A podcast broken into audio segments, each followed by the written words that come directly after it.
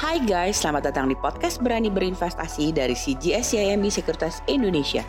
Sebuah podcast yang akan membahas tentang pasar modal, update seputar investasi saham, dan tips investasi untuk milenial.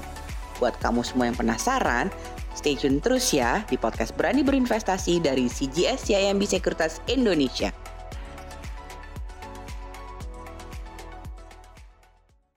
Hai guys, selamat datang di podcast Berani Berinvestasi. Nah, kali ini saya Vanessa Herman, Retail Research Analyst dari CJSMB Sekuritas Indonesia ditemani oleh rekan saya nih Laurentius Teiseran. Uh, jadi beliau ini adalah bank sector analyst dari CGSCMB Sekuritas Indonesia. Nah hari ini pastinya kita akan berbincang-bincang seru nih tentang seputar banking ya. Yuk kita langsung sapa uh, Lau. Hai Lau, apa Halo. kabar?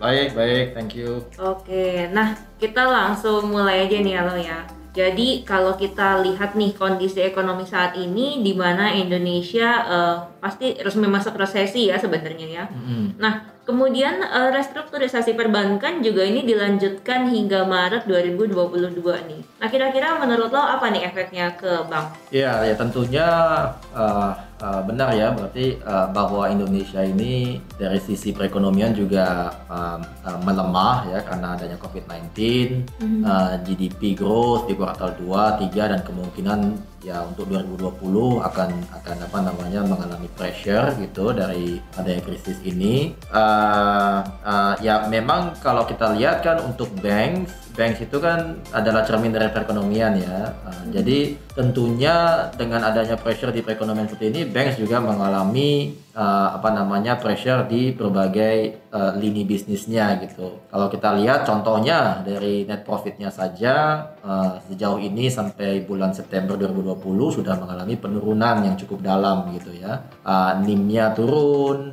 uh, apa namanya ada kekhawatiran atas NPL, uh, uh, non interest income-nya turun gitu ya, bisnis-bisnis kartu kredit atau apa pun itu orang udah nggak ke mall dan lain-lainnya. Jadi memang dampaknya signifikan sudah terlihat. Tetapi uh, seperti tadi yang sudah disebutkan juga um, ada langkah-langkah atau upaya-upaya dari pemerintah yang memang bertujuan untuk membantu situasinya gitu. Salah satunya adalah relaksasi eh, restrukturisasi di industri perbankan yang tadinya ber- eh, direncanakan berakhir di tanggal 31 Maret 2021 eh, memang sekarang rencananya diperpanjang ke 2022. Nah, dampaknya ke bank bagaimana? Nah, tentunya eh, untuk pinjaman restrukturisasi ini dan relaksasinya tujuan utamanya adalah untuk mencegah terjadinya kredit macet gitu ya, terjadinya eh, pemburukan kualitas aset di perbankan sebaik mungkin, selama mungkin gitu mungkin ya kan. Nah, sehingga dengan adanya upaya loan restructuring yang direlaksasi di, di, di, di, direlaksasi oleh uh, uh, OJK itu harusnya bisa membantu bank memanage apa namanya penurunan kualitas aset pinjamannya begitu. Kira-kira nih Lau, kalau misalkan suatu bank ini restrukturisasinya makin besar gitu ya, kemungkinan eh, efek ke NPL-nya itu akan seperti apa nih? Apakah NPL-nya akan tambah tinggi dengan banyak restrukturisasi atau seperti apa? Ya, jadi untuk menjawab pertanyaan itu memang eh, pada akhirnya itu sangat eh, bergantung pada eh, pemulihan ekonomi di tahun-tahun yang akan datang atau kuartal-kuartal yang akan datang begitu. Kalau misalnya pemulihan perekonomian ini membaik gitu ya, eh, contohnya untuk tahun 2021 misalnya kita sudah memproyeksikan eh, GDP growth kita di angka eh, 3 4 5 persenan gitu, which is sudah jauh lebih baik dari 2020. Ah, kalau memang itu adalah kondisi yang akan tercapai, yang moga-moga bisa tercapai di 2021, tentunya akan ada perbaikan ah, dari segala lini bisnis dan tentunya pinjaman-pinjaman yang telah direstrukturisasi di tahun 2020, kesempatan untuk sembuhnya atau kesempatan untuk tidak masuk ke NPL-nya akan tinggi gitu. Nah, jadi uh, memang pada akhirnya itu apa uh, proyeksi atau atau nantinya uh, bagaimana pemulihan itu akan terjadi atau level pemulihannya sebesar apa itulah yang akan menentukan apakah NPL itu akan tinggi atau tidak. Tapi yang jelas uh, pinjaman yang di restruct ini adalah solusi uh, yang paling sigap gitu ya yang dapat dilakukan oleh baik ke otoritas maupun perbankan untuk mencegah adanya NPL justru. Nah kalau misalkan dari segi bank yang sudah merestrukturisasi paling banyak itu kira-kira bank apa sih lo? Uh, kalau kita lihat sejauh ini uh, secara industri pinjaman yang direstrukturisasi itu masih kurang lebih sekitar 20 persenan dari total hmm. pinjaman ya. Uh, pinjaman yang direstrukturisasi karena COVID-19 gitu. Hmm uh, itu kurang lebih sekitar 20 persenan. Nah, bank-bank yang uh, pinjaman restrukturisasinya itu yang lebih tinggi umumnya adalah bank-bank yang fokusnya di uh, segmen uh, mikro dan kecil. Uh, hmm. Tentunya di sini tidak asing buat kita semua BRI itu adalah salah satu bank ya yang hmm uh, exposure di segmen tersebut paling besar dan juga ada yang juga yang listed BTPS contohnya mm-hmm. itu juga mengalami uh, uh, restrukturisasi pinjaman yang paling tinggi karena exposure-nya di mikro gitu. Mm-hmm. Uh, sedangkan kalau misalnya kita lihat bank-bank yang exposure-nya lebih kepada pinjaman korporasi atau uh, ibaratnya bisnis-bisnis yang uh, besar gitu ya menengah mm-hmm. dan besar itu tendensinya uh, apa namanya uh, requirement untuk di restructure itu lebih sedikit atau lebih kecil dibandingkan bank-bank yang uh, tadi saya sebut gitu yang mm. yang yang exposure-nya di mikro dan uh, usaha-usaha kecil gitu. Oke. Okay. Kalau misalkan efek ke Bank BNI sendiri gimana nih? Karena kalau saya nggak salah BNI itu lebih kayak ke arah uh, konstruksi kan ya untuk loan konstruksi gitu ya. Mm. Nah jadi uh, so far gimana nih untuk restrukturisasi dari BNI? Iya ya tentunya uh, walaupun BNI memang adalah bank yang secara dikenal sebagai bank yang fokusnya ke construction loan gitu ya, mm -hmm. infra gitu. Tetapi uh, tidak boleh dilupakan juga bahwa BNI masih memiliki segmen-segmen bisnis lainnya yang juga baik gitu ya. Mereka punya segmen consumer, mereka mm -hmm. juga punya segmen menengah dan lain-lainnya. Nah, tetapi kalau untuk pertanyaan pinjaman-pinjaman infrastrukturnya BNI gitu dan lain-lainnya, uh, sebenarnya sih kalau dilihat dampaknya tentunya ada tentunya negatif juga, tetapi tidak sebesar beberapa sektor lainnya. Contohnya kayak perhotelan gitu ya, hmm. atau uh, atau transportasi gitu. Itu kan jauh lebih terkena dampaknya gitu. Hmm. Sedangkan hmm. kalau misalnya untuk infra dan lain-lainnya mungkin tersendat ya terhambat sedikit bisnisnya, hmm. tetapi relatif uh, tidak separah ya beberapa sektor yang secara langsung terdampak gitu. Hmm. Selain itu juga banyak dari pinjamannya BNI uh, terhadap sektor construction gitu ya atau infrastruktur infrastruktur itu juga adalah program apa proyek-proyek pemerintahan juga gitu. Tentunya pemerintah tidak lepas tangan dan tentunya ada support-support dari pemerintah juga kepada uh, customer-customernya BNI yang bergerak di bidang infra dan construction ini. Terus uh, kedua nih loh, jadi kemungkinan saat ini kan pemerintah sedang membuat uh, perpu ya yang refer ke Undang-Undang Nomor 2 Tahun 2020 itu tentang kebijakan keuangan negara dan juga stabilitas sistem keuangan untuk menangani pandemi ini. Kira kira-kira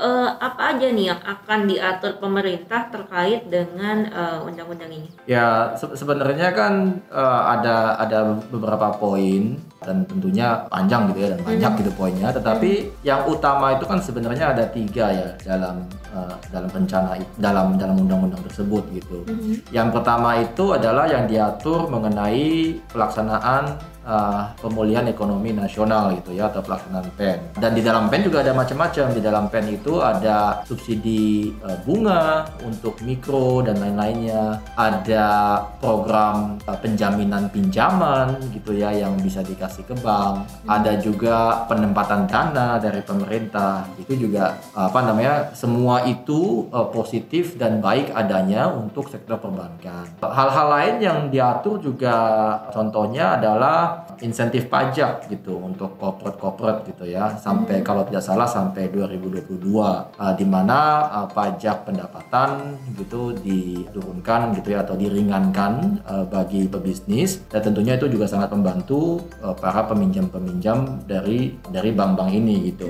Uh, lalu uh, ada poin juga yang gak kalah pentingnya mengenai peningkatan batas defisit anggaran gitu ya yang hmm. biasanya di level 3% ini di diperbolehkan untuk melebihi 3% uh, eh, kalau nggak salah hingga 2022 ya tentunya itu akan memberikan uh, ruang fiskal yang jauh lebih besar dan yang lebih uh, fleksibel untuk pemerintah uh, dalam upaya menangani uh, pandemi ini gitu ya Dan itu, dan itu pastinya akan sangat berpengaruh kepada perekonomian dan perekonomian tentunya balik lagi ke perbankan. Jadi in general uh, poinnya itu yaitu ada pelaksanaan PEN, ada insentif pajak yang sangat membantu dan ada juga uh, penaikan batas uh, defisit anggaran yang juga memberikan uh, ruang fiskal gitu. Dan tiga-tiganya ya positif sekali buat bukan hanya buat bank gitu, tapi buat uh, semua industri mungkin ya di. Indonesia. Nah, kira-kira kalau menurut Lau sendiri nih, uh, ada nggak langkah ke depan dari pemerintah uh, untuk uh, menjaga supaya bank ini nggak collapse lagi nih ketika kita memasuki krisis? Uh, sebenarnya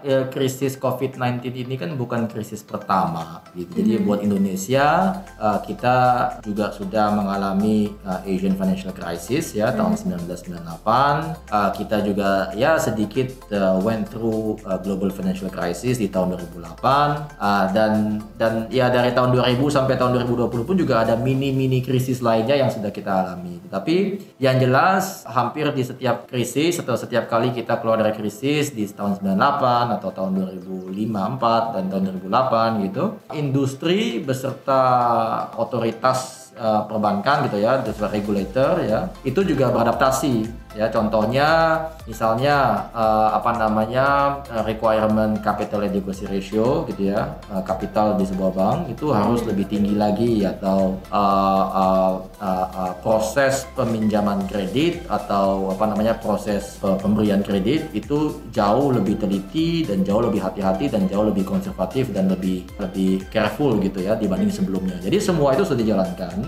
uh, sehingga ya pada saat mengalami COVID-19 ini juga kita sudah sejauh ini sudah menjalani praktek-praktek yang cukup baik gitu di tanah air gitu. Nah, tentunya ke depannya pasti akan ada lagi uh, apa namanya pembaruan atau improvement di regulation of banking gitu. Tapi sejauh ini sih ya we've been adapting quite nicely kok dengan apa setiap kali adanya krisis. Kalau uh, saya lihat nih belakangan ini uh, kan banking-banking juga mulai menerapkan apa ya cadangan kerugian penurunan nilai gitu ya yang cukup uh, tinggi untuk Mhm. menghadapi krisis yang saat ini. Nah kira-kira kalau dari segi coverage ratio sendiri itu yang mana nih lo yang paling besar? uh, coverage ratio uh, dan mungkin buat teman-teman yang belum itu ya familiar dengan coverage ratio basically coverage ratio itu adalah pencadangan yang telah dibukukan oleh bank gitu ya dibagi dengan NPL-nya mereka gitu ya jadi kita dapatkan coverage ratio secara umum uh, boleh saya katakan bahwa uh, perbankan di Indonesia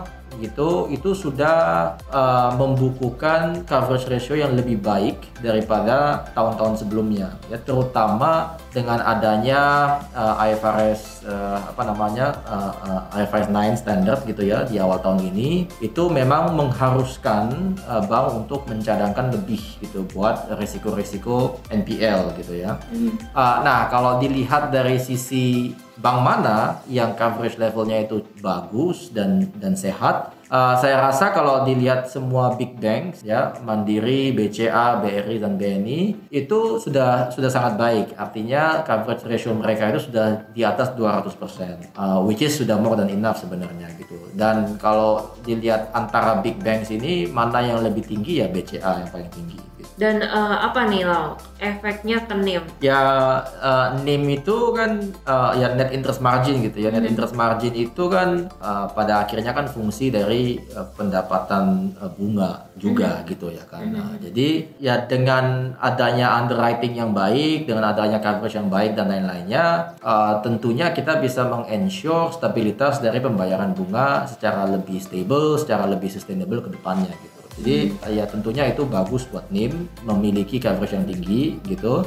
Uh, dan uh, di luar coverage juga ya yang, yang terpenting adalah kemampuan bank untuk menganalisa customernya atau menganalisa bisnis customernya gitu. Jadi um, karena bagaimanapun juga kalau aset tersebut atau pinjaman tersebut menjadi NPL non performing, artinya kan tidak menerima pendapatan bunga apa pun gitu ya dan akhirnya ya ujung-ujungnya jatuhnya ke NIM-nya turun juga gitu. Nah, lo terkait dengan uh, rencana merger dari dari bank-bank syariah ya seperti BRI Syariah, kemudian BNI Syariah dan juga Bank Syariah Mandiri. Kira-kira efek ke bank-bank seperti BRI, BNI dan juga Mandiri ini seperti apa nih lo? Ya, uh, tentunya semuanya itu sangat tergantung dari nanti outcome-nya seperti apa ya. Uh, hmm. Tapi memang kemarin sudah ada prospektusnya, uh, sudah terlihat uh, fair value buat BRIS-nya itu berapa. Tapi intinya adalah hmm, pada akhirnya uh, rencana penggabungan ketiga bank syariah BUMN ini hmm. itu positif dan baik karena memang yang ingin dicapai adalah uh, efisiensi dari uh, bisnis uh, uh, uh, syariah ya untuk untuk uh, bank BUMN ini. Uh, nah kalau dari sisi dampak ya memang kalau dilihat dari berita sejauh ini dan update sejauh ini Mandiri akan menjadi shareholder utamanya sehingga uh, kemungkinan besar ya memang uh, keuangan dari entitas baru nanti ya hmm. entah namanya apa pun itu itu pasti ada hmm. nama baru gitu ya walaupun memang uh, dia tetap di list dalam uh, ticker BRIS gitu, tapi hmm. namanya akan baru gitu. Hmm. Uh, uh, nah semua financialnya dan semua performance-nya akan dikonsolidasikan di dalam keuangannya si Mandiri gitu. Hmm. Untuk di awal-awal mungkin akan sedikit negatif buat Mandiri hmm. karena uh, menurut performa saya uh, ROI dari entitas baru ketiga bank merger ini itu di angka sekitar 10 sampai 11 persen. Mm-hmm. Sedangkan Bank Mandiri itu ROI-nya kurang lebih di angka 13-14 persen gitu. Mm-hmm. Jadi uh, itu akan sedikit dilutif sifatnya terhadap Mandiri gitu. Nah, sedangkan mm-hmm. uh, BNI sama BRI sebenarnya dampaknya ya tidak negatif, tidak positif gitu ya. Mereka cuma ya secara tidak langsung uh, terdilusi ya BRI terutama terdilusi kepemilikannya di uh, di BRIS. Gitu. Mm-hmm. Nah, tapi dengan terdilusi apakah berarti ini akan lebih baik mengingat uh, ROI-nya tadi Iya. ya. Iya, yeah, ya kalau uh, uh, uh, sebenarnya kalau dilihat dari konteks uh, size-nya BRIS terhadap size artinya apa namanya uh, besaran asetnya BRIS terhadap besaran asetnya BRI secara bank itu mm-hmm. kecil gitu ya. Jadi sebenarnya apa pun apa pun yang terjadi di BRIS ini dampak ke earningsnya BRI secara konsolidasi itu tidak besar gitu. Tetapi mm. benar bahwa kalau secara angka memang positif dalam artian uh, BRIS itu kan ROI-nya sebelum merger ini semua kan jauh di bawah 10%. Sedangkan mm-hmm. BRI itu kan jauh di atas 10%. Jadi mm-hmm. dengan tidak adanya BRIS atau BRI terdelusi itu uh, condong ke positif gitu dampaknya buat BRI. Nah, terakhir nih Lau, kira-kira kalau dari saham bank yang menurut Lau masih menarik untuk investasi ke depan ini uh, saham apa nih Lau dan apa reasonnya? Ya sebenarnya kalau kita lihat sih uh, memang uh, dengan adanya krisis COVID-19 ini mm -hmm. itu sebenarnya membuka kesempatan yang luar biasa ya gitu buat mm-hmm. kita semua investasi. Secara umum saya rasa bahwa banyak bank ya bukan cuma satu dua gitu banyak bank yang secara valuasi sudah murah dan kalau kita pilih dengan baik ya memang ada upside-nya gitu. Nah bank-bank yang boleh saya sebut contohnya adalah seperti BCA. Saya ngerasa BCA uh, dengan kualitasnya dengan track recordnya uh, trading sekarang di kurang lebih 3,6 gitu ya mm-hmm. price to book itu menarik. Uh, selain itu uh, dari sisi valuasi juga bank bank seperti Mandiri dan BNI itu juga uh, terlihat cukup murah gitu ya hmm. dengan dengan price to book yang hampir mendekati uh, dua standar deviasi di bawah rata-rata jangka panjang. Hmm. Uh, uh, dari bank-bank kecil mungkin ada bank BTN yang menurut saya menarik juga dan dan perhaps Danamon juga bisa di uh, apa namanya consider. Gitu. Oke, okay, nah berarti satu-satunya yang nggak disebut tadi BRI nih ya? uh, betul, iya, uh -uh. ya, betul BRI ya sebenarnya artinya begini sebenarnya kalau kita mau pikirkan dari sisi makro, mm-hmm. um, ini ibaratnya uh, kalau air laut naik gitu ya, semua kapal juga akan meningkat gitu. Jadi mm-hmm. pada saat saya mengatakan baik buat BCA atau baik buat Mandiri, tidak berarti BRI-nya tidak baik gitu. Mm-hmm. Tapi uh, dalam hal ini, kenapa saya tadi lebih menyebut ke Mandiri dan BNI lebih karena valuasi mm-hmm. gitu. Karena at this uh, level valuasinya BRI itu tidak se uh, pressure Mandiri dan BNI oh. on a oh. relative basis gitu. Jadi okay. kalau memang pengen uh, upside yang lebih mungkin ya Mandiri dan BNI bisa memiliki uh, upside atau ya. ya yang lebih uh, besar upside-nya daripada BNI. Thank you Nila untuk sharing-sharingnya. Ya sama-sama. Iya gimana guys seru kan perbincangan kita di podcast kali ini. Nah jadi uh, terus ikuti podcast podcast kita dari CGSMB Sekuritas Indonesia selanjutnya. Jadi sampai jumpa lagi nih di podcast kita selanjutnya dan uh, jangan lupa untuk mulai berinvestasi karena kalau nggak mulai dari sekarang mau kapan lagi nih kita investasinya? Oke, okay? see you, bye bye.